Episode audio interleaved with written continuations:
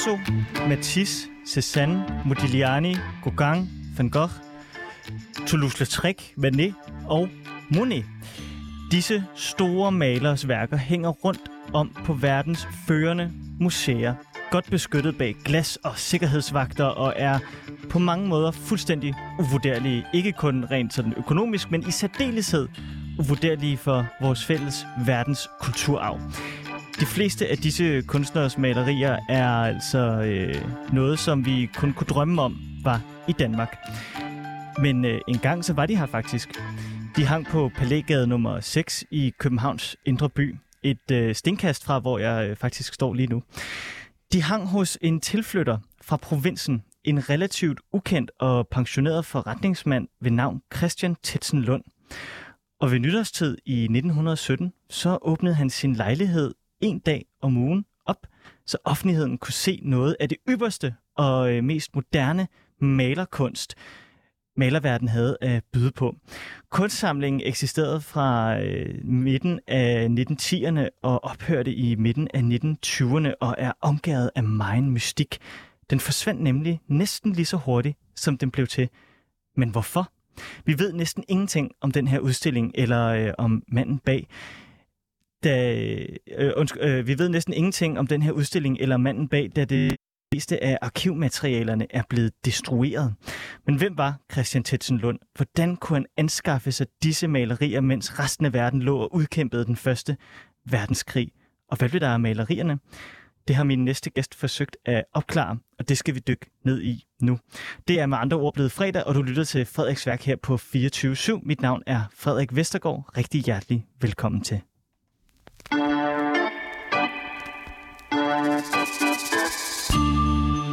Kan jeg så byde velkommen til øh, en mand, der har gjort noget, som øh, ingen andre i den danske kunsthistorie nogensinde har øh, kunne finde ud af, nemlig at opklare mysteriet om Christian Tetsen Lunds berygtede, legendariske udstilling på Palægade. Det er dig, Jesper Svendingsen. Velkommen ja, til. Ja, tak skal du have. Og sikkert en introduktion.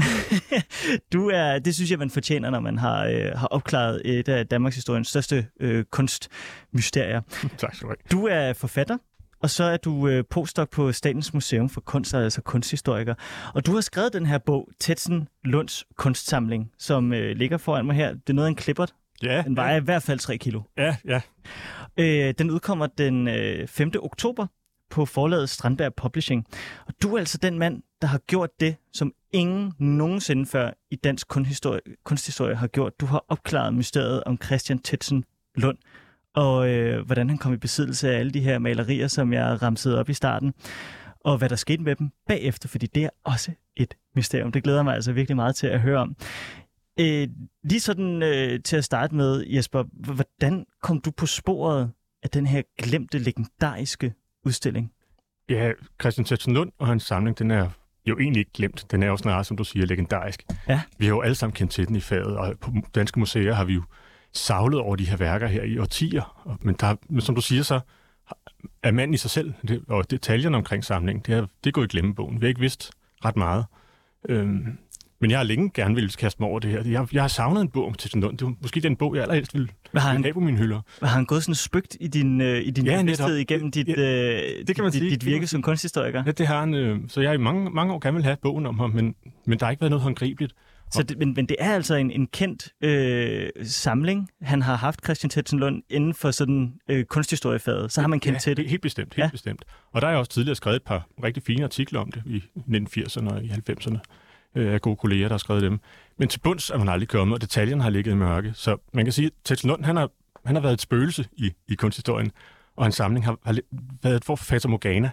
Vi ikke helt været sikre på, at fandtes det virkelig det her? Vi havde ikke noget håndgribelig viden rigtigt. Er der nogen, der har troet, at det var et Fata Morgana? Nej, ikke rigtigt. Nej, okay. Men for eksempel findes der ikke et eneste fotografi fra hans, fra hans stuer. Så vi har ikke et eneste fotografi, selvom vi ved, at der var måske 5.000 mennesker, der vandrede igennem stuerne på et tidspunkt, hvor alle havde kamera i, i tasken. Ja. Så det, men det, det vedblev at være det her underlige, uhåndgribelige øh, ja, Fata Morgana af en, af en samling. Men hvorfor er der ikke nogen, der har gjort det, du har gjort nu før? Jamen, det har heddet sig i fadet, at, at man kunne ikke komme nogen vegne. Alt var gået tabt. Der var ikke mere arkivmateriale, og, og vi ville aldrig komme til bunds i det. Øhm, og jeg har jo som sagt igennem gennem hele min, min øh, studietid og, og karriere som kunsthistoriker, der har jeg der har savnet den her bog, og så har jeg med jævn mellemrum efterlyst den, og Ja. spurgt mine kolleger, er der ikke nogen, der kaster sig over det her? Men det var der bare ikke, og begrundelsen var altid, at vi har hørt, der er ikke mere at gøre, der er ikke noget at komme efter. Hvor lang tid har du så brugt på det, Jesper?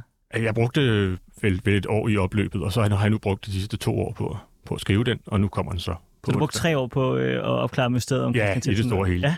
Ja. Har det været meget svært for dig? Der har været udfordringer undervejs i hvert fald. Øh, det har der helt bestemt. Øh, Hvilke udfordringer har der været?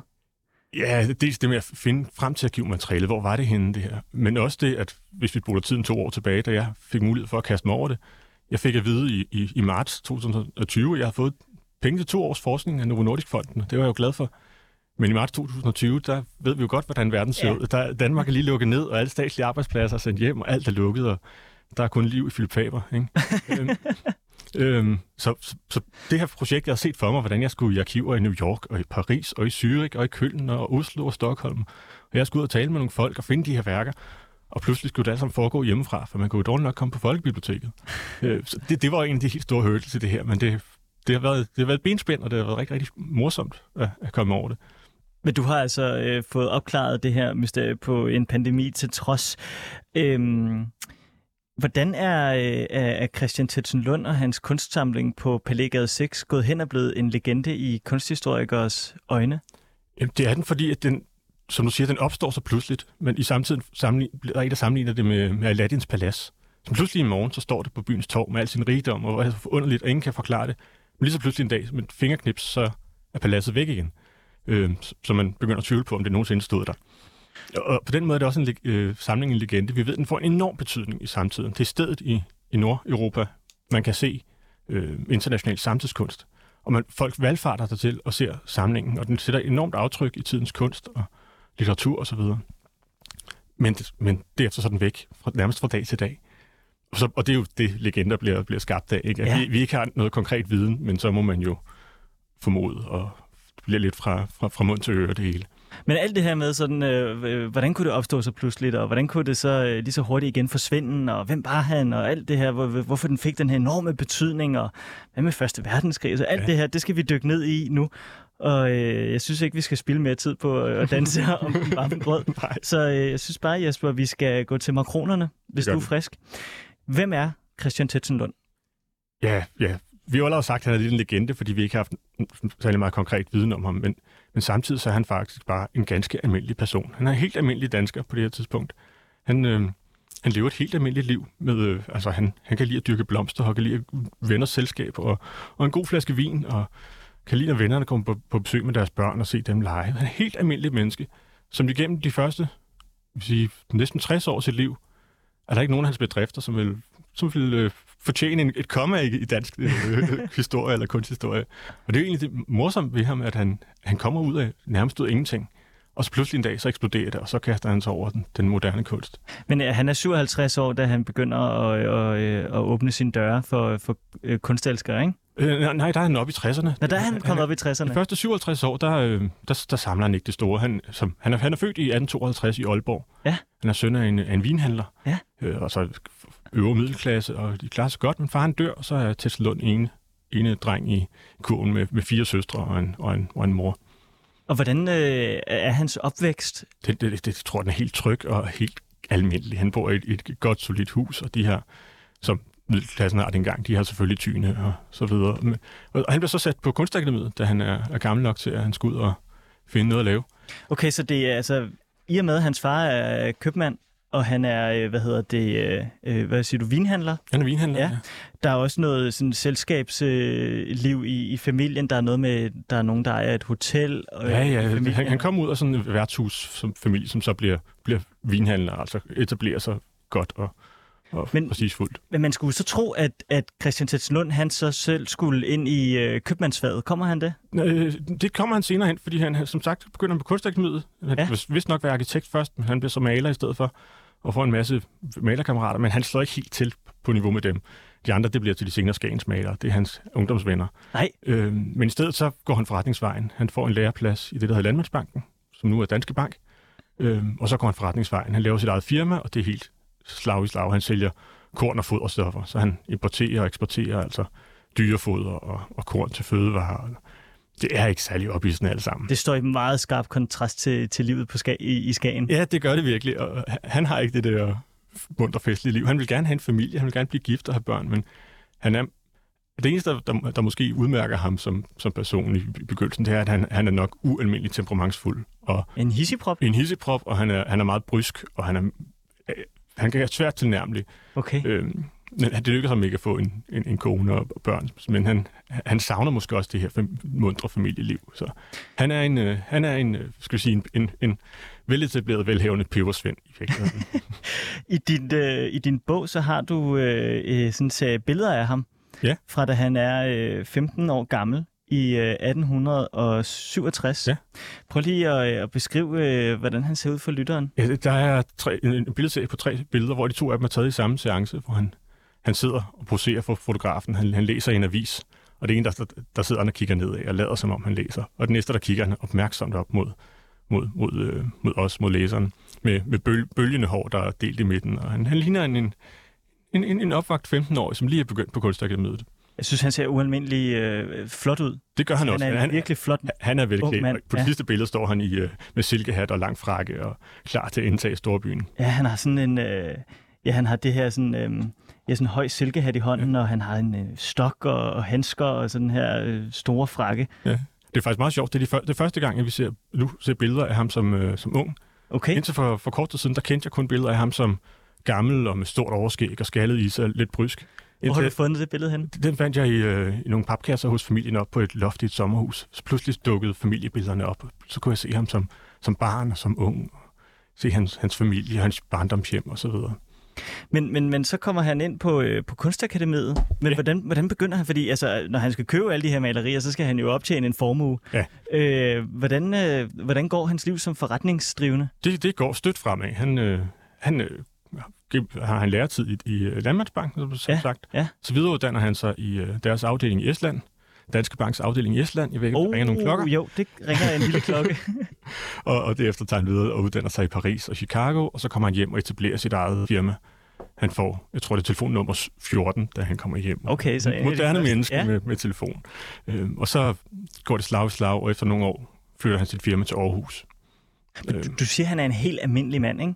Men hvis han både har været i Chicago og i Paris og arbejdet i Estland og så videre. Han lyder ikke som en almindelig øh, øh, bonde fra øh, 1800-tallets han, han, han, danske han, bondesamfund. Han har haft mulighed for at, for at se lidt af verden, som ung, ja. hvor han skulle ud og uddanne sig. Men han har jo siddet på et kontor i de forskellige byer. By, oh, jo. Men, men han, han, han har selvfølgelig haft mulighed for, for at se lidt af verden. Men, men ellers, det er mere som karaktertræk, og hans bedrifter i øvrigt, som, som jeg karakterer som, som ikke, ikke opsigtsvækkende i, i datidens Danmark. Nej. Men han får aldrig øh, de her øh, øh, børn og, øh, og hustru? Nej, det gør han ikke. Nej. Hvorfor? Ved vi det? Der er en historie i familien om, at han havde forelsket sig i en, som ikke helt øh, levede op til familiens standard. Hun var vist nok vejtidssangerinde eller lignende. Uh. Og, og der var også en af hans søstre, som også forelskede sig i den forkerte en, som, som ikke helt havde nok stjerner på skulderen i, i, i hæren. Øh, så de måtte være især forblive ugifte. Okay, så han er en, øh, en hisseprop. Han ja. er øh, handelsmand. Ja. Han er øh, efter datidens standarder øh, en globetrotter. Ja, som, ja, det som er, er rundet af moderniteten. Ja. Glas og stål og damp og kul. Lige præcis, ja. ja, ja.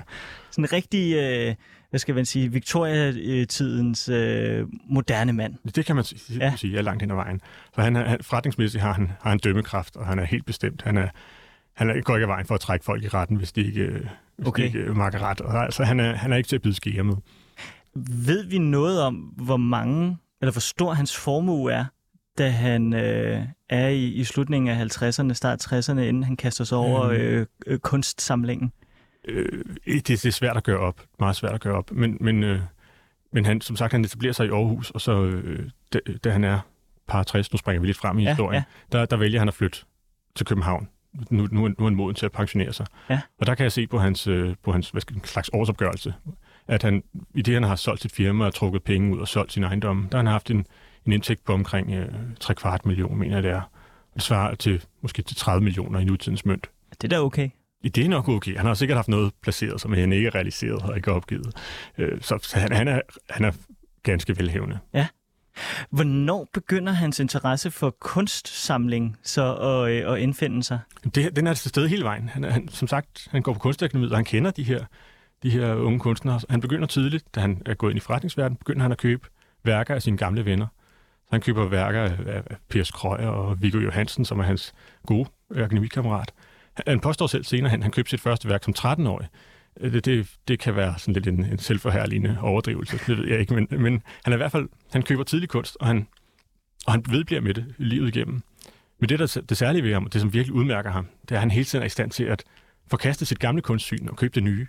Nå. Hvor de fleste nok vil sige, at musikken og kunsten og litteraturen, den toppede nu alligevel, da vi var 20. Ja. Øh, Men han er i stand til hele tiden at følge med og se, det, det, det er det nye, der er, det, der er værd at samle på. Og det vedbliver han så med. Øh, så op i, øh, når vi, vi kommer helt op, og den, som sagt, den er omkring 57 år, der er hans samling ikke noget at råbe hurra for, det, men han har fulgt med, men han køber stadig tidens malere nede på Charlottenborg, hvem der nu lige er oppe i tiden. Men så i, i 1909, der går han ind på en udstilling på den frie udstillingsbygning i København, og ser nogle af de unge malere, som maler frisk og, og, og- farverigt med, med paletkniven i stedet for penslen. Han falder især, især over den maler, der hedder Axel Jørgensen.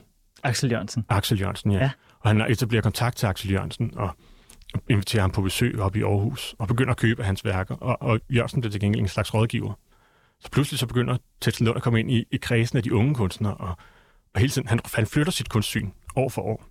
Det er interessant, at han gør det. Ja, han er i stand til det. Han, han har en sådan usvigelig dømmekraft, men Ja. samtidig også en vilje til at følge med. Øhm, så- og så begynder han at etablere kontakt til nogle af de førende norske kunstnere, især Ludvig Karsten, som, og som også bliver en vigtig rådgiver for ham. Så det mellem øh, 1909 og 1915, der kommer han pludselig ind i de her kredse af kunstnere, som begynder at komme hos ham og feriere hos ham og vejlede ham. Han køber deres værker, han støtter deres udstillinger. Da nogle af dem vil, vil opføre deres egen udstillingsbygning, så betaler han den.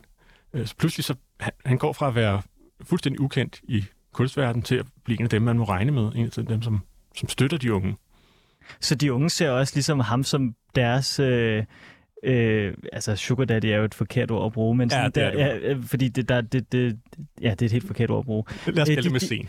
Mæcen er et ja. Ja. meget bedre ord. De ser ham som en mulighed for at få finansieret nogle ting, Ja, ja, Ja. ja. bestemt. nogle projekter. Det er, der, der, er, der er en gruppe unge kunstnere, der, der vil bryde ud af den frie udstilling og stifter det, der kommer til at hedde Grønningen, fordi de ender med at have udstillingen på Grønningen i København. Øh, der, der er historien, at de bliver enige om det fredag aften, at nu må de bryde ud, nu skal de have oprør. Og, og lørdag morgen, der øh, har arkitekten allerede, han, han har lavet tegninger til bygningen. og så øh, går de rundt, og så ringer de på hos, øh, hos øh, de, de rige. Og inden, inden, inden weekenden er over, der har Tetzl Lund tilbudt at, at, at betale opførelsen af deres bygning. Øh, og der, der går omkring to uger, fra de har besluttet sig for at bryde ud, til deres første udstilling åbner i egen bygning. Det er jo helt vildt. Det er helt vildt. Altså, der, der er meget kort fra tanke til handling, og han er i den grad lige så slagkraftig som de unge kunstnere. Har vi nogen øh, fra hans, øh, fra, fra hans øh, tid med de her unge kunstnere, har vi så fundet nogen, der har skrevet breve om ham, sådan så vi kan få et indtryk af, hvordan han har været som samarbejdspartner? Meget, meget lidt. Der er meget, meget lidt af den slags. Øh, men, men de fortæller senere hen, hvordan øh, det efter Tetzl er flyttet til København, hvordan man kommer op i hans stue, og man ser, og så står der et, et stort lærred, hvem er det nu, der skal have lov at, til at male på det? Ikke? Og så, hvem, de, de, de, de går der hver dag, og de, de øh, taler med hinanden deroppe, de ser den nyeste kunst, og han går rundt iblandt dem, og så siger han bare, hmm, hmm, hmm. Det er ikke ham, der skal føre an i diskussionen. Han skal suge til sig af, hvad de, hvad de synes. Han skal ikke stå og sælge sit kunstsyn. Han skal bare se, hvad, hvad, hvad, hvad, hvad mener de andre? Hvad, hvad, hvor, hvor skal vi hen af? Hvad siger det om hans øh, forhold til, til kunst? At han ikke vil blande sig på den måde? Øh, jeg tror, altså grundlæggende tror jeg, at han er virkelig en kunstelsker. Han går op i det her med liv og sjæl. Men han er, han er helt utrolig lydhør. Især når man, man, man tænker på hans forretningsbaggrund. Jeg sagde, altså, han, Ja. han river folk i retten, hvis de ikke makker ret. Ja. Men i det øjeblik, han har med kunstner at gøre, der er han, der er han lydhør. Og ud fra det, han, han opfanger med alle sine antenner, der slår han så sin, sin altså, usvigelige dømmekraft til, og så køber han det rigtige gang på gang på gang. Og det, det, det er meget, meget imponerende at se det tilbageblik, Ja. øh, hvor, hvor få svipser der er iblandt i virkeligheden. Er der nogle svipser? Ja, meget, meget lidt. Meget Okay. lidt. Øh, og det kommer senere hen, da han, da han bliver gammel og begynder at tvivle på sig selv. Så, oh, nej. så, så går det ikke så godt længere. Men, men du siger, at man kommer ind i hans øh, lejlighed, det er på Palægade. Ja. Øh, så kommer man ind, og så er der et lærred. Vil det så sige, at han havde sådan et i gåsøjne åbent atelier, hvor han inviterede kunstnere ind, og så Det- skulle de det- stå det- hjemme i det- hans stue og, og ja, male? det, det kunne de godt, ja. Og, Og da han, øh, nu, nu er vi flyttet til, kommet til København, Ja. og i, i, i 1915, for lige, vi Ja. flytter ham lige først. Ja, Øh, god idé. 1915, der, der, der går det jo rigtig godt med forretningen, for Danmark er jo neutral i Første Verdenskrig. Ja. Krigen er brudt ud i, i, i, i sommeren 14, og til begyndelse ved vi ikke helt, om vi kan formå at holde os neutrale, men det lykkes, og derefter begynder danske forretninger at lukrere i den grad på neutraliteten, shipping og handel med fødevarer. Gullaschbaroner. Gullaschbronen, ikke? Ja. Og de her, de her nyrige, som slår sig løs i København, og der er fantastiske fortællinger om, hvordan de der, er- der er en, der har som sit hofnummer, han smadrer restaurantinventar, bare for at vise, hvor rig han er. og der er en anden, han, han går op til, til restaurantsbar, så spiller han en fanfare på, øh, på øh, kasseapparatet, og så beder han om at få drikkevarer for, for det beløb, som bongen lyder på nu. Men, men Tets Lund er slet ikke til den slags. Han har skabt sin formue langsomt og i fredstid. Så da det hele det går løs under krigen, og man kan tjene gode penge på det, som er hans fag, korn og foderstof, så sælger han sit firma. Han er 63 år gammel, han sælger sit firma. Han sælger alle sine ejendomme i og omkring Aarhus. Hans sommerhus, det bliver til Rigskov øh, Villakvarteret deroppe. Nå. Øhm, og så flytter han til København. Nu skal han være tæt på kunstmarkedet, han skal være tæt på sin familie. Og så leger han den her 11-værelses lejlighed i Palægade, den famøse lejlighed, som jo nok vil de fleste sige er lige lovligt stort til en ungkal, 11 værelser i Palægade. Ja. Øh, og samtidig køber han så et 600 kvadratmeters landsted op på nordkysten mellem Helsingør og Hellebæk, Nå, hvor han også opfører et atelier, så kunstnerne kan komme derop, og de kan male, og de kan bo der hele sommeren. Der er en, ja, han har en af landets bedste vinkælder, og man kommer gerne derop som kunstner. Så, så ja, han begynder at holde sådan et slags åbent hus, åbent atelier, hvor han forventer, at kunstnerne kommer forbi hver uge og sidder pænt bænket og drikker deres te. Men ellers, derudover, så må de jo gå løs på hans vinkælder, øh, når de vil det. det synes jeg er helt vildt. Altså, det er jo, det er jo, det er jo et fantastisk både øh, kunstsyn, men også menneskesyn. Altså, Det at han ligesom siger, jeg har mulighed for at tjene altså, us, altså styrtende med penge på øh, krigen, men det gør jeg ikke. Jeg heldiger mig bare til, at, at, Ja. at, at mit liv skal være en stor underskudsforretning. der Ja, det kan man sige. Det var hans anledning til at pensionere sig, og så begynde at bruge de penge, som han havde sparet sammen. Ja. Nu bliver det sådan, at, at, at folk kommer forbi, der kommer øh, en af hans gode venner fortæller, at tit så møder man folk ham, man møder forfattere, digtere, balletdansere og skuespillere, og, men som, som regel ser man dem kun én gang. Nå. Og de, de er for at modtage det der beløb, som han har lovet dem, så de kunne komme ud i verden, og de kunne etablere sig, og de kunne få en rejse. Han har aldrig set dem før, men de, de havde talent, så de skulle lige have en portion penge. Så, øh, så han blev virkelig en, en, en mæcen i, i det københavnske, men en, en meget stille mæcen. Er han sådan en, man, øh, man tilknytter sig til, og så har man et livslangt øh, venskab med ham? Eller er, han, øh, er man lige så hurtigt ude, som man er, er inde? Der er nogle få, som får et livslangt venskab, men de siger, at han er meget svær at komme ind på livet af. Der er, der er en god ven, som, som han holder livet igennem, øh, og, og en anden, som kommer til under, undervejs. Men ellers siger dem, øh, Leo Svane, som er senere direktør for Statens Museum for Kunst, siger, at øh, han kendte Tetel Lund i overvis og opholdt sig hos ham i ferierne og kom i samlingen, men jeg kendte ham ikke.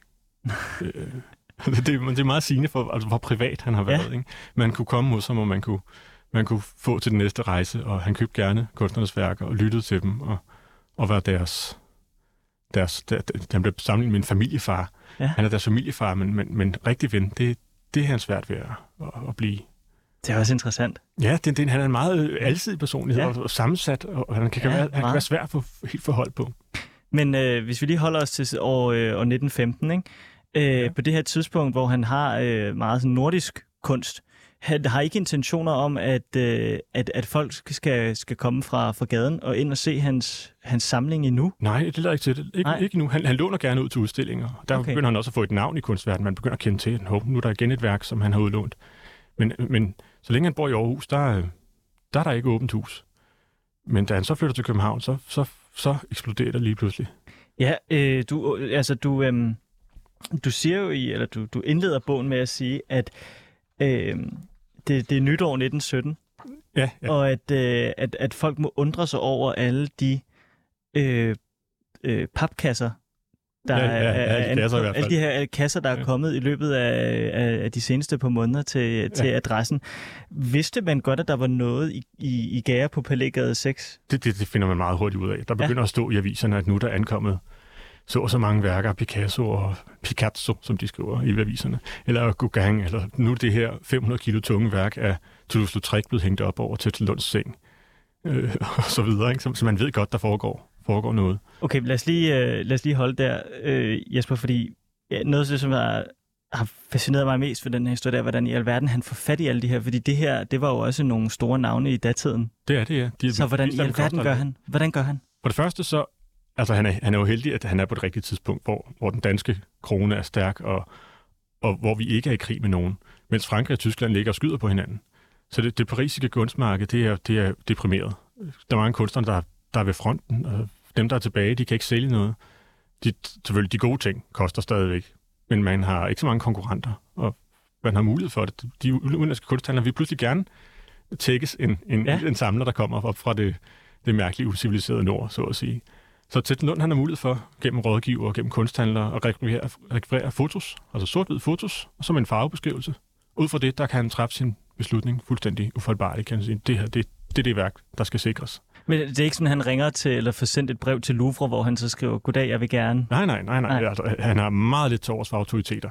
Okay. Øh, så, så han, han skal ikke have nogen rådgiver, som på den måde. Altså, han lytter til, hvad kunstnerne siger, men egentlig rådgiver har han, har han ikke nogen af. Nej. Øh, men jeg tænker bare sådan, hvordan man gør rent praktisk, fordi du får det til at lyde som, for, som en leg, jeg spiller med. Så havde han nogen, der kunne hjælpe, og så lige pludselig så fik han et katalog sendt ind ad døren, og så kunne han så sige en af dem og en af dem. Så at sige, ja, ja, ja, sådan er, er det. Så det, det, på nogle punkter er det. Er det. Men det, det, det, det skifter over tid, også efter hvordan forholdene i, i krigen skifter. Så, så i, til en begyndelse, det første han gør, det han hører, at der i, øh, i Paris er en, en norsk øh, kunstagent, der hedder Halvorsen, Walter Halvorsen, øh, som, som kender Paris godt. Han kender alle de unge kunstnere. Han, han er en bonkammerat med Modigliani og Matisse og Picasso og alle de andre. Og han, han meddeler hjem til Skandinavien, at nu er øh, kunstmarkedet i knæ hernede, og kunstnerne tjener ingen penge, og mange af dem er ved fronten, at deres familie har ingen penge. Så hvis I har nogle håndører, I vil sende herned, så kan jeg købe billig kunst til jer. Øh, og det gør det er forskellige nordmænd og, og svensker, der gør, og Tetsen Lund gør også. Han sender, øh, det, det er hans første franske køb, han sender 4.000 frank og siger, så må I slå jer løs. øh, og, og, og Halvorsen, han allierer sig så med Matisse som rådgiver, og så køber de her fire af deres venner, går, altså låser sig ind i deres atelier. De, de ligger ude i skyttegravene, og så må man jo låse sig ind i deres atelier og finde nogle værker, man lige kan signere, og så på den måde får Tets Lund sin første franske billeder for en, for en billig penge. Ej, og så, så, er han, så er han i gang. Ja. Og det næste, det, så skal han i gang med, med at også købe lidt mere målrettet med egne øjne. Og det første, han køber, det er, øh, der er, der er et opslag i bogen. Der, der er tonsvis af farvebilleder i den bog her. Men uh, der er et, et opslag, som jeg holder meget af. Med hans to første målrettede køb, som du ser her. Ja. Et Van Gogh og et Picasso. det er altså, ikke det, et Van Gogh eller et Picasso, jeg har set før? Nej, nej. Det, det, det er... Det, men karakteristiske billeder ikke desto mindre. For, kan du lige beskrive, hvad det er? Det er det Van Gogh-billede fra, øh, fra en, en, en sydfransk landsbygade hvor man ser sådan et, et stejlt perspektiv ind og, og, stejle, stejle hustage op mod en, en skarp gul himmel. Mens Picasso-billedet, det er, det, det er en sart gouache af en, af en, af en nøgen hollandsk model. Hvad er en gouache? Det, det, er, det, det er en, det er en teknik. Så, ah, okay. Øh, øh, lidt lysfølsom øh, teknik med dækfarve. Øh, jeg, jeg undrer mig over, hvordan, hvordan Tets Lund kaster sig over det, og hvordan, han, hvordan det her blev hans første ja. to målrettede køb. Ja.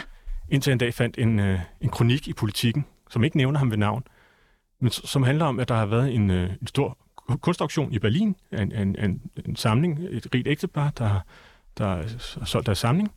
Og, øh, og der, der øh, hele øh, Tyskland er stemmet til for at købe moderne kunst, øh, men der kom også danskere i håb om, at priserne var lave.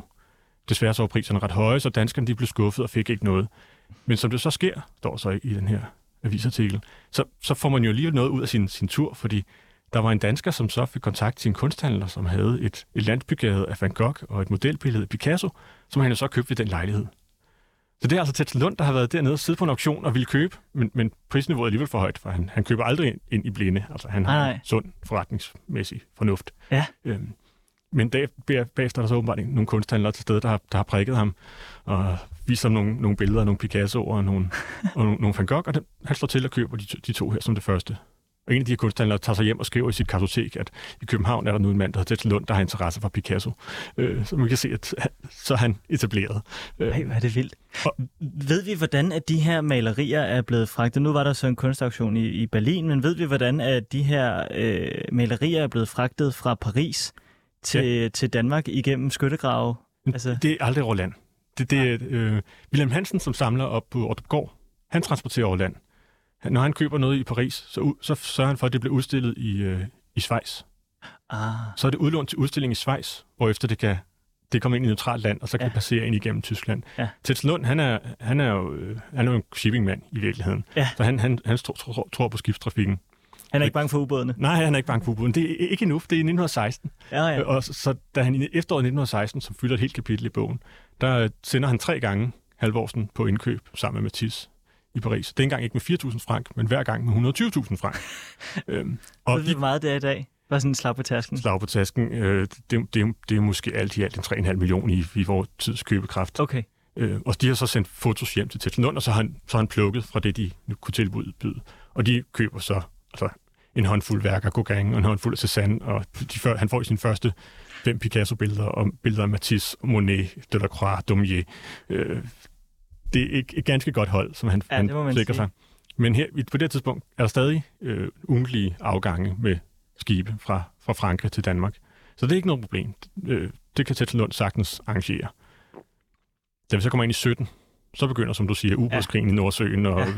det, der bliver tæt mineret, og man skal ikke længere stoppe alle sine uh, Cézanne-malerier i en kasse og sende den over Nordsøen. Og, og, og den danske skibstrafik på Frankrig går også for en stor del i stå. Øhm, men Tetzel Lund, man kan, man kan se, ret tydeligt se, at han, hvis han er noget, så er han opportunist. Altså, Ja. han, han, han, han er vant til at gribe mulighederne for, hvor tidligere har det sikkert været, hvor kunne man købe noget bomuld, og hvor kunne man sælge det igen. Nu, han, han flytter sin opmærksomhed derhen, hvor, hvor, hvor markedet fører ham.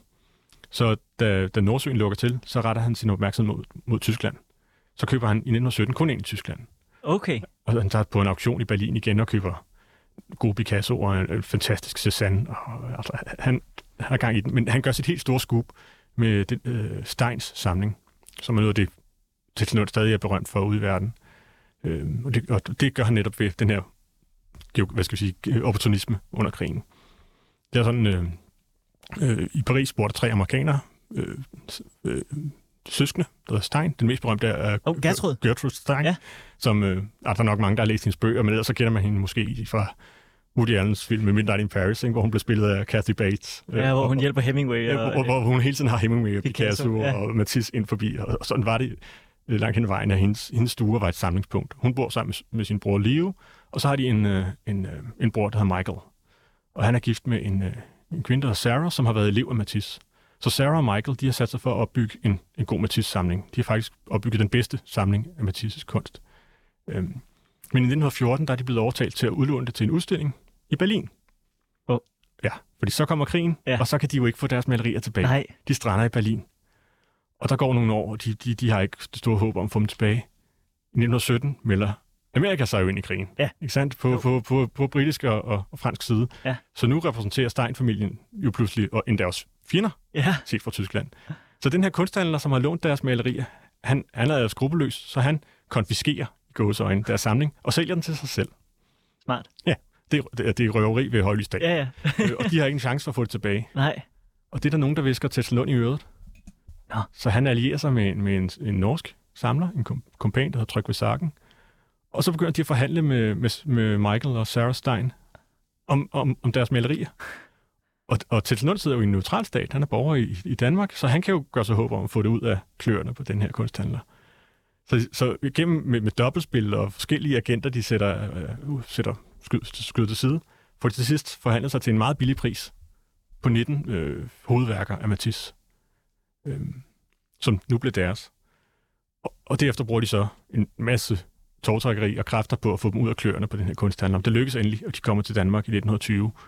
Øh, så så, men, han er virkelig opportunist. Altså, han, retter opmærksomheden derhen, hvor der, hvor der er en mulighed. Og når nu man ikke kan få ting hjem fra Frankrig, så kan man få franske ting hjem, som tyskerne har kløerne i. Nej, hvor er det sindssygt. Det er da helt vildt. Altså, at der har været 20 Matisse-malerier i Palægade 6, som Tetsen Lund har fået mere eller mindre revet ud af kløerne Ja, på, ja, på ja, ja, tyskerne. ja, ja. Ja. Og de er der nogle år indtil Tetzel Lund får fordelt rovet med sin, sin norske kompan. Så ender Tetzel Lund med at beholde de 11 bedste og na, vende for 8 af de mindre interessante. Men i en overgang er der så, øh, ja, hvad, hvad bliver det? Det bliver nogle af 30 Matisse-værker i Palægade alt i alt. Men, så må øh, Tetsen Lund jo også på det her tidspunkt være en, at alle øh, virkelig kender til, fordi han er den, der kan få ting hjem. Ja, ja det, kan, det kan man nemlig sige. at Han, han, formår virkelig at flytte på noget kunst på et Ja. tidspunkt, hvor, hvor man ikke hvor man ikke, ikke kan det. Har der været noget med sådan, at franskmændene var bange for, at tyskerne ville indtage Paris, og derfor så skulle de bare af med al deres kunst Nej, nej, øh, jo, for nej. at beskytte? Det har der ikke været noget nej, af? det, det, det er der ikke. Ikke, ikke, Okay. ikke, ikke, ikke på den måde. Nej. Men, men kunsten er udsat i, i, i krig, ikke? og Jo, der er mange, jo, der vil realisere deres, deres gods for at gemme pengene på anden vis. Så. Bliver han så ikke øh, altså, berømt i, i, i Danmark for at have den her samling? Det gør han i høj grad jo. Han bliver, han bliver et, et, et navn, man kender, og et ansigt, som der bliver lagt mærke til. Når han, når han sætter sin ben på en auktion, så står journalisterne klar til at se, om han køber noget. Og, Hvad køber Tetsen Lund ja, og, og hvis han ikke køber noget, så er det jo dårlig kunst. Okay, så man stoler virkelig på hans øh, dømmekraft? Nej, men man bruger ham som, som argument mod kunsten. Nå, langt hvordan? vejen. Øh, hvis der er n- noget progressiv, provokerende kunst, så kan de jo sige, at ikke engang Tetsen Lund købte det. og det er jo hans opgave. så så han, han bliver et kendt ansigt. Ja. Det gør han virkelig.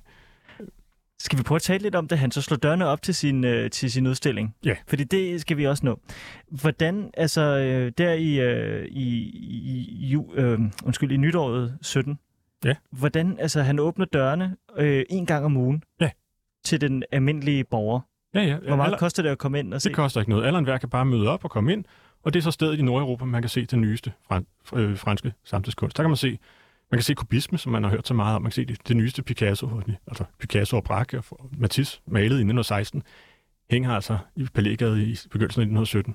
Og det er ikke, fordi han sådan har, øh, hvad skal vi sige, flyttet rundt på sine møbler og gjort det sådan Nej, nej. mere øh, museumsagtigt? Man kommer ind i hans hjem, og nogle gange må han flytte sig, hvis han sidder og arbejder, men der er for mange i stuen, og andre gange så går han lidt rundt og, og brummer i baggrunden, men han præsenterer sig ikke. Så nogen tror, at han er, han er gæst. Og, men jeg har taget noget med faktisk, som jeg lige vil vise Ja, meget gerne. Nu kan du være, være lytterens øjne. Det er Ja. et, øh, et, et, et, en lille bog, en lille protokol, lidt Ja. over i fem størrelse. Ja, sort. I sort stiftspind. Ja. Det er øh, den gæstebog, som lå ved indgangen til, til Lunds Nej. samling. Her er, den begynder så, som du siger, ved nytårstid 1917. Begynder folk at ankomme. Hvem er første gæst? Første gæst, det er en, en svensk kunsthistoriker, der hedder Ragnar Hoppe. Og derefter kommer der kunsthistorikere, der kommer, der kommer malere, billedhuggere, komponister, der kommer dansere og skuespillere, der kommer digtere, der kommer øh, øh, kritikere, der kommer alt og alle mellem himmel og jord. Kommer øh, sådan nogle øh, helt store, altså kommer Geo Brandes forbi, kommer øh, Herman Bang forbi? Øh, Jeg har ikke fundet dem endnu, Okay, men du kan se her, øh, marts 17, her står der Karl C. Nielsen. Karl Nielsen. Karl... Gud, det er jo øh, brygger... Øh... Ah, det er komponisten. Nå, Gud, ja, undskyld, ja, Karl Nielsen. Øh, Ham på 100 og- kroner. Tonetter. Ja, og der, der, der, er en, der, er en, der er en side her, som jeg har brugt i, øh, i bogen, Ja. Som, som et godt eksempel på, hvordan alt og alle kom. Der er først er der en række norske malere, Jean Heiberg og andre. Så er der en, en kritiker, der kommer fra St. Petersborg. Så kommer der en gruppe øh, danske kvindelige kunstnere, øh, Astrid Holm, Kammer Salto og Jørgen Hansen. Remi Lose, som senere bliver fotograf på Vogue. Så kommer nogle af de unge kunstnere, Måns Lorentzen, Olaf Frode, William Schaff, Jais Nielsen, alle sammen på samme tid. Hov, hov. Og der står der, Edvard Munch. Øh, så du kan se, det er hele Skandinavien, der kommer her. Og der, er- der er flere øh, gæstebøger, der er omkring 5.000 navne i. Og nogen har først kun skrevet sig ind første gang, men har kommet igen og igen. God, du har jo Edvard Munchs øh, autograf. Ja, ja, Emil Nolde og alle mulige andre, som, som har været forbi. Du, Storm P. og Karl Nielsen og ja, en lang række forfattere. Bertha Wigman. Øh, nej, jeg tror Nej. ikke, hun er der, men, men øh, på et tidspunkt kommer Michael Anker og Laurits Tuxen, altså to skagensmalerne. Der vil jeg gerne have været med og høre, Ja. ja. hvad, de, hvad, de, hvad Men de det, talt den bog, det er en gave til, til programmet her, ikke? Eller hvad? Øh, nej, nej, nej, du må nøjes med den. Okay, så det er simpelthen, det er jo, altså, ikke bare toppen af poppen i samtiden, men det er jo også toppen af poppen i, i, i sådan vores kulturhistorie. Det er det nemlig. Der det, kommer, det er et øh, bredt udsnit ja. ja. af kultur Danmark af nu 1917 til 24. Er de begejstrede for, hvad de ser? Mange er nok, og, og, men nogle er også uforstående. Øhm, men Lund har bygget sin samling op på en særlig måde. Det synes jeg også er værd en, en Ja, evne. hvordan har han gjort? Ja, øhm, det, her, det har været svært for mig at, at komme til bunds i, men, men hvordan han har valgt, udvalgt sine værker. Ja. Han kan rigtig godt lide at købe øh, værker parvis, så de matcher hinanden, altså, så, de, så de har en, der er sådan en dialog mellem dem. Okay. Og det har nok noget at gøre med, at der, er- der er så meget storm omkring den moderne kunst her i 17, 18, 19. Øh, Der, der er nogen, der mener, at moderne kunst er et udslag af sindssyge, og, og, og andre mener, at men, altså, så må vi jo prøve at få folk til at forstå, hvad det handler om. Og apropos det, så da Edvard Munch han skrev sit øh, autograf i din bog, der, der har han jo nok ikke haft det alt for godt. Nej, det har han nok ikke, nej. Øh, øh, men men, men Telsen Lund går ind i det her på pædagogisk vis at uddanne, altså vi- vise folk, hvad, hvad er det, kunsten kan. Tit har en journalist forbi, så starter han med at sige, hvad vil du her? Du, du har ikke forstand på kunst, sæt dig ned. og så holder han et, et, et pædagogisk øh, foredrag, hvor han siger, her er to værker, lad, lad, os- lad os holde os til dem, og lad os se, hvad vi får ud af det. Og så udlægger han, hvad, hvad, hvordan skal du forstå det her? Så derfor så, jeg tror, det er derfor så kan han godt lide at købe værker, som øh, parvis. De har samme motiv, så de overfladisk set har ikke noget til fælles. Mens øh, deres stil og deres udtryk, der, hele temperamentet, er, er, er vidt forskellige. Mm. Så kan folk gå rundt i samlingen og sige, netop, der er jo en rød hest malet af Derain, og derovre er der en hvid hest malet af Picasso. Øhm, og så, de er jo forskellige, men de samtidig, så er samtalen i gang. Ja. Folk kan begynde de har nogle, får nogle knæger, de kan hænge deres, det, det er sådan deres, deres fordomme og deres, deres, manglende forståelse på, og så er de kommet i gang med at se på det. Så, så da jeg først begyndte at, at op, sådan rekonstruere samlingen og se, hvad, hvad, hvilken takt er det købt, og, så viser det sig, at han tit køber de her billedpar på samme tid. Så Picassos billede, der hedder, øh, som er på forsiden af Mhm. mm-hmm. en bog, som hedder En kvinde med en krave, Ja. køber han samtidig med Renoirs Kvinde med en parakit. Så to kvinder, der står og kæler for en fugl. De er vidt forskellige, ellers øh, så er der en samtale i gang. Og det viste sig også, at, at, at der var for eksempel øh, to værker, vi har altid har, vi har hængt i snart 100 år på museet, Statens Museum for Kunst. Det ene er Matisse, det andet er Picasso. Og det ene er Picassos øh, øh, maleri af en sydspansk landsbygade, holdt i rødlige toner, i cirka, 19 eller den er malet omkring 1906. Og det andet maleri, det er en landsbygade i Algeriet, malet af Matisse i 1906. Nu, Han- ja, Det viser sig, at han har købt dem samtidig, Ja. de to. Altså to sydlandske landsbygader malet af de to store på det tidspunkt i fransk kunst. Dem, som man, lige, man har sat dem op som rivaler, de må være modstandere, man følger, hvad den ene gør, når den anden gør noget. Øh, dem, Tess Lund køber de to værker samtidig. God, Og, det er og de, de to værker så skulle korrespondere, ikke? og folk skulle, skulle sammenligne det her, når de gik rundt. Blev tvunget til at, at, at, se på det og sammenligne det. Men det sjove er, at vi har haft de malerier i 100 år. Vi har aldrig hængt dem op sammen. Skal det- vi ikke gøre det nu? Det ved jeg ikke, måske. Men den her, den her subtile sammenstilling, den, ja. den, er, den er gået hen over hovedet på, på alle os andre. Men Tess Lund har, har opereret med den slags sammenstillinger for, som en måde at, at, at, at formidle, hvad det her det handler om. Og det er ikke en udstillingsmåde, som man normalt... Altså, det er ikke en praksis, man normalt benytter sig af. Nej, det er det, er det ikke. Det, det er jo sådan en slags montage-teknik, han i virkeligheden benytter sig af. Ikke? At samtidig to værker, og så skaber en betydning derimellem. Så igen er han meget moderne. Det er han i bestemt, og han er også meget... Øh, det er et meget personligt projekt. Altså, Ja. Der er virkelig noget, noget karakter og en, en, en, original idé i det, som jeg synes er interessant, for det er det, man gerne vil se i en privat samling. Der skal være noget, noget personlighed i det. Men hvordan har du så fundet ud af, at han havde de her malerier hængende ved siden af hinanden, og der ikke er nogen fotografier af udstillingen? Jeg ved heller ikke, om de er hængt ved siden af hinanden, men de er i hvert fald hængt i tilstødende Ja. stuer. Men jeg kan se, at han har købt dem sammen. Okay, Øh, og, og det er jo et- noget, noget af det, jeg satte mig for tidligere. Jeg skulle for det første skulle jeg kunne rekonstruere hans samling, ja. vide præcis, hvad der var. Men jeg skulle også kunne følge ham dag for dag, se, hvilken takt køber han det. Øh, øh, øh, så at sige, kigge ham over skulderen og se, for, for på den måde prøve at forstå, hvad har tanken været. Hvad, Ja. Hvis han har købt ting på samme tid, så er der en tanke i det. Og, og det var noget af et detektivarbejde at finde ud af, hvordan, hvilken, finde ud af, hvad der er købt samtidigt. Ja, fordi inden vi lige øh, runder øh, udstillingens øh, ophørelse Ja. og Tetsen Lunds øh, sidste tid, så vil jeg godt lige høre lidt, hvordan dit detektivarbejde har været, Jesper.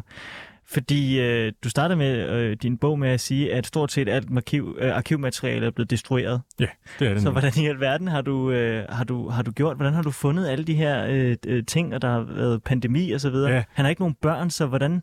Han havde, han havde øh, en, en, en, nogle jæser, især en grænjæser, som skulle arve ham, hans øjesten, den Okay. yndige rødhårede karen. Ja. Og, og hendes efterkommer viste sig, havde en, en masse ting liggende. Så da jeg fik, først fik kontakt til dem, og de, de kunne også se en idé i det her projekt, og de har de gået til det med meget, meget stor velvilje og venlighed, og, og, og lånt mig enormt meget materiale, som nu fremover vil blive til et lille Tetsen Lund-arkiv. På, Er de også nogen inden for kunstens verden i dag? Eller? Øh, nej, nej, det, Nej, nej, det, er okay. de, det er de ikke, men de, men de, de kunne i hvert fald se pointen i det her, Ja. ja. og hjælpe mig med det. Og Så, så jeg fik de her arkivalier hjem og kunne sidde med dem derhjemme. Og der var nogle lister, som er blevet publiceret engang, men der var meget mere øh, materiale at hente i dem. Lister over, hvad han har købt på hvilke tidspunkter. Og, øh, og derudover så øh, galt om at finde fotos af det hele, så man kunne koble det. Hvor har du fundet dem henne? Øhm, ja, det er jo lidt et problem, fordi Fes Lund afleverer sin fotosamling til, øh, til Kunstakademiets bibliotek. Og to- i to bunker. Øh, dels en bunke med værker, som han har ejet, og den anden det er de, værker, som han har valgt ikke at købe. Så det er dokumentationen for alt det, han ikke købte. Altså hans fravalg. Og det glæder jeg mig meget til at se. Men efter flere års togtrækkeri, eller belejring, viste det sig, at biblioteket ved en fejl var kommet til at destruere Nej, hele materiale for få år siden. Men heldigvis var der nogen, hvordan kommer man til det? Ja, det ved jeg.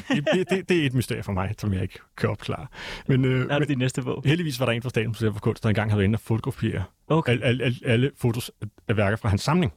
okay. Så- Men alle hans fravalg kan jeg desværre ikke. Øh, det er ikke dokumenteret. Det er, det er gået til for få år siden. Nå.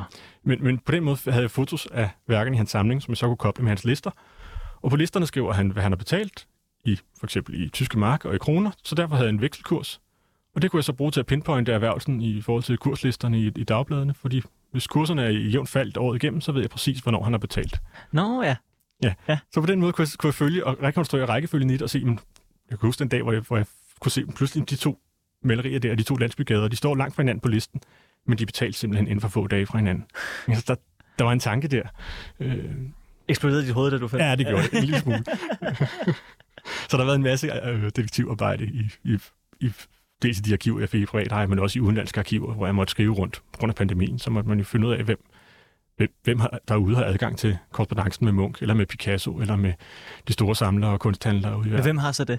Det er der alle mulige, der sidder med. Det kan være private, det kan være folk på de der pågældende arkiver og museer, som jeg så måtte finde frem til på et tidspunkt, hvor de her også havde svært ved at komme i deres samlinger. Men, men det lykkedes. Det var, det var til at gøre. Jeg behøvede slet ikke rejse. så Så du har kunnet lave det hele på din computer? ja, set? pandemien var på den måde en øjenåbner. Nej, det er fascinerende. Jeg troede, du virkelig sådan skulle ud i, i afkrogen af Oslo og finde øh, Munks øh, sommerhus, og så ned i kælderen for at finde... Øh... Nej, Jeg har, også, jeg har også været på den slags. Jeg har Ah, også okay. været på, på ekspeditioner ud i, i, øh, i kældre og lofter. Jamen, hvor har, du, øh, hvor har ekspeditionen taget dig hen? Ja, der er, der er nogle private arkiver Ja. øh, rundt omkring, som, hvor man har kunne finde noget, man ikke havde forventet. Og, og så var der jo så i sidste ende brækker nok til, at puslespillet kunne, godt kunne lægges. Ja. Og det er blevet til en hel historie, hvor, hvor man kan følge til Lund i, i hans indsamling og, ja, og i samlingens afvikling. Lad os lige vende tilbage til, øh, til Tetsen Lunds udstilling. Vi har øh, lige knap syv minutter tilbage, så nu skal vi lige have, Ja. have rundet den sidste tid. Stor succes. Han er virkelig øh, på toppen af det bjerg, der hedder dansk kunst, i hvert fald sådan Ja, ja, samlingsmæssigt. Hvornår topper hans udstilling ligesom?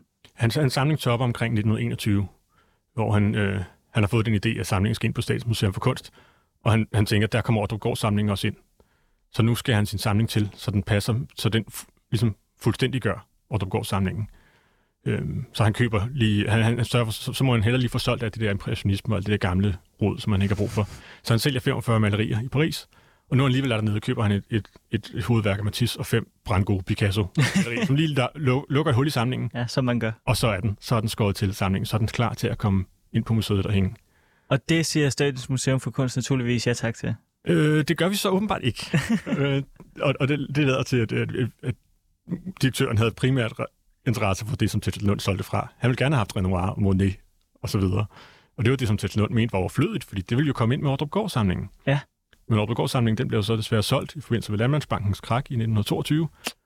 Og så mister Tetzel Lund interessen for, hvad skal hans samling ind på museet for, hvis staten ikke tog imod Ordrup samlingen, der tid var. Så derfor så, så har han ikke behov for samlingen mere. Han har ikke brug for den mere. Og så begynder han at sælge den.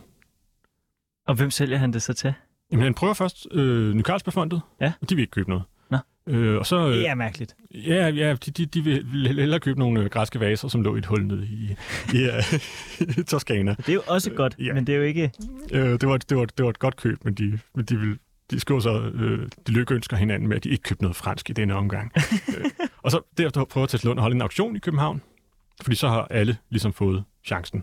Øh, der er ikke ret mange, der køber noget, fordi Tesla Lund han vil have markedspriser. Ja. Så han køber det meste tilbage, og så, så har han frie hænder. Nu synes jeg, nu har han åbenbart øh, givet Danmark chancen. Men jeg forstår ikke, hvorfor han ikke bare øh, øh, bliver ved med at have sin samling på palægget.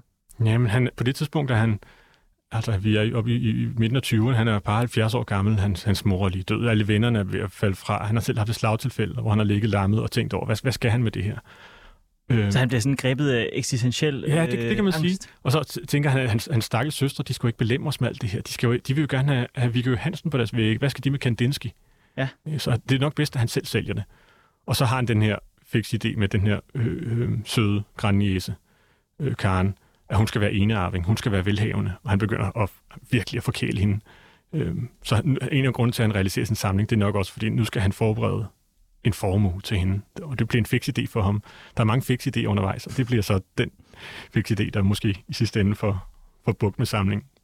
Men ved, øh, når han så ikke får opkøbt, eller han ikke får givet sin, øh, sin, sin malerier til, øh, til Statens Museum for Kunst, og, og han begynder at, at, at, at sælge ud osv., hvad bruger han så det sidste af sit liv på? Men han kan ikke lade være med at købe. Han bliver med Han at sige, vil stadigvæk ved. ja, han, han, bliver, han køber ikke mere fransk. Det er slut. Så nu har han kun dansk kunst, og så bliver han ved med at sige, at nu skal han snart få solgt den danske samling, og så køber han lidt mere. Og men han skal nok snart få den solgt, og så køber han lidt mere. Så, så til det sidste, der, kan, der vakler han mellem, om han skal købe eller han skal samle. Men, men vennerne siger, at han tvivler på sin dømmekraft, så han, han kan ikke længere købe lige så dristigt ind, og ikke for store beløb. Og han køber nærmest kun en af hver kunstner, for han, han tør ikke satse længere. Så, så i virkeligheden får han sin, sin, sin hans, hans sidste del af hans liv går lidt i ensomhed med at gå og passe sin have og vente på, at de unge kommer på besøg. Og... Men undrer folk sig ikke over, at man har kunne komme ind i palægget og se alt det her fantastiske kunst, og lige pludselig så kan man ikke? Jo, de, og man ærger sig, og kunstnerne skriver, skriver øh, vrede skrivelser til Ny Carlsbergfondet. Hvorfor, hvorfor opper man sig ikke? Hvorfor køber man ikke den her række af Picasso, Matisse og Henri Rousseau? Det er de tre, de slår, ja. de slår på. Øhm, så der, der er, der er en, en ærgelse i samtiden over, at ja, det, det ikke, ikke kunne lykkes. Men samtidig er der så mange andre samlinger, som går til på samme tidspunkt. Så der er sådan en, en udvandring af, af hovedværker øh, i Danmark. Så det, men få, der måler sig med Tetselnunds. Men nu er alle de her malerier jo så spredt for alle verdens vinde. Det kan man sige. Og hænger sikkert i alt fra Shanghai til, til Los Angeles. Ja, ja. Øhm, hvorfor bliver udstillingen glemt? Jamen, den bliver aldrig glemt. Altså, myterne har levet, og altså, der, der, der går frasavn om den her samling og dens rigdom. Men, men Tetselund har, har jo ikke, han har ikke vil, vil have sandheden ud. Han får lavet en bog om sig selv sent i livet, og den er fuld af løgn. Og, og, og legender, han, han, han skriver sig selv op, og, og, og da han så falder, falder bort, så destruerer hans søstre og alle. Han har sikkert haft korrespondence med alle de her kunstnere, og ja. kunsthandlere, og kvitteringer, og flybilletter, havde han sagt. Ja. Øhm, men det blev helt alt destrueret, så der er ingen, der har kunnet komme rigtig under huden på den, på samlingen. Får han en stor begravelse, og øh, nej, øh, nej. hele det, det danske kunstnerpanas det dukker nej, op. Nej, og, øh, og, og det er lidt næsten lidt ironisk. Han dør, dør tre dage efter William Hansen op, hvor går. Ja. Og William Hansen han blev begravet i, i Holmens Kirke, og der, der står departementchef og ambassadør og kappes om, hvem der har givet den største krans. Mens Tetsen Lund han, han får en lille mindehøjtidlighed blandt de nærmeste venner hjemme i lejligheden, hvorefter hans urne bare bliver sejlet med, med, med rutefærgen op til Aalborg sat ned der. Og han er, han er glemt fra det øjeblik stort set. Nej, hvor er det vildt. Hvad synes du, at vi sådan skal, skal huske Tetsen Lund og hans galleri for? Ja, det er jo først og fremmest det, altså, det, det, den øh, beslutsomhed og dømmekraft, med hvilken han, han får skabt sådan en rigdom. Og så er det den gavmildhed, han, han stiller til rådighed for, for, for alt og alle. Der, man kan komme og se det, blive præget af det, blive inspireret af det. Øh, det, det, er, det, er, jo, det er jo enestående øh, i, i Danmarks historie stort set. Ikke? Der er vi har museums, øh, øh, museums skaber, de har, vil, de har vil sætte dem selv et, et eftermæle, det ville Tetsen Lund ikke. Han, han, øh, han var tilfreds med, med øjeblikket, så at sige. Og så har han bare gjort det for sin egen blå øjens skyld? Ja, måske. Måske. Fordi han bare ikke kunne lade være? Ja, fordi han ikke kunne lade være, og fordi det var, det var kunst, og det gav ham, gav ham en glæde. Og jeg kan også godt lide, at han bare gerne ville altså, lave helt sådan standard god dannelse ja. for folket. Ja, præcis. Ikke? Ja. Der, der, der, er, der er noget... noget øh... Det er meget øh, hederligt. Ja, det er det. Fornemt, hvornår dør han? Det skal vi lige have med. Han dør i 1936. 1936. I en alder af nogen 80. 84. Og har han en gravplads i Aalborg, eller er hans urne blevet... Det, grav, gravpladsen er sløjtet. Nå. Der er intet. Så der vil slet ikke øh, komme og lægge en krans? Nej, nej, det kan vi ikke engang. Ja. det var da en trist, trist afslutning. Men Jesper Svendingsen, tusind tak, fordi du ville komme ind i, øh, i mit program her. Det er mig, der takker.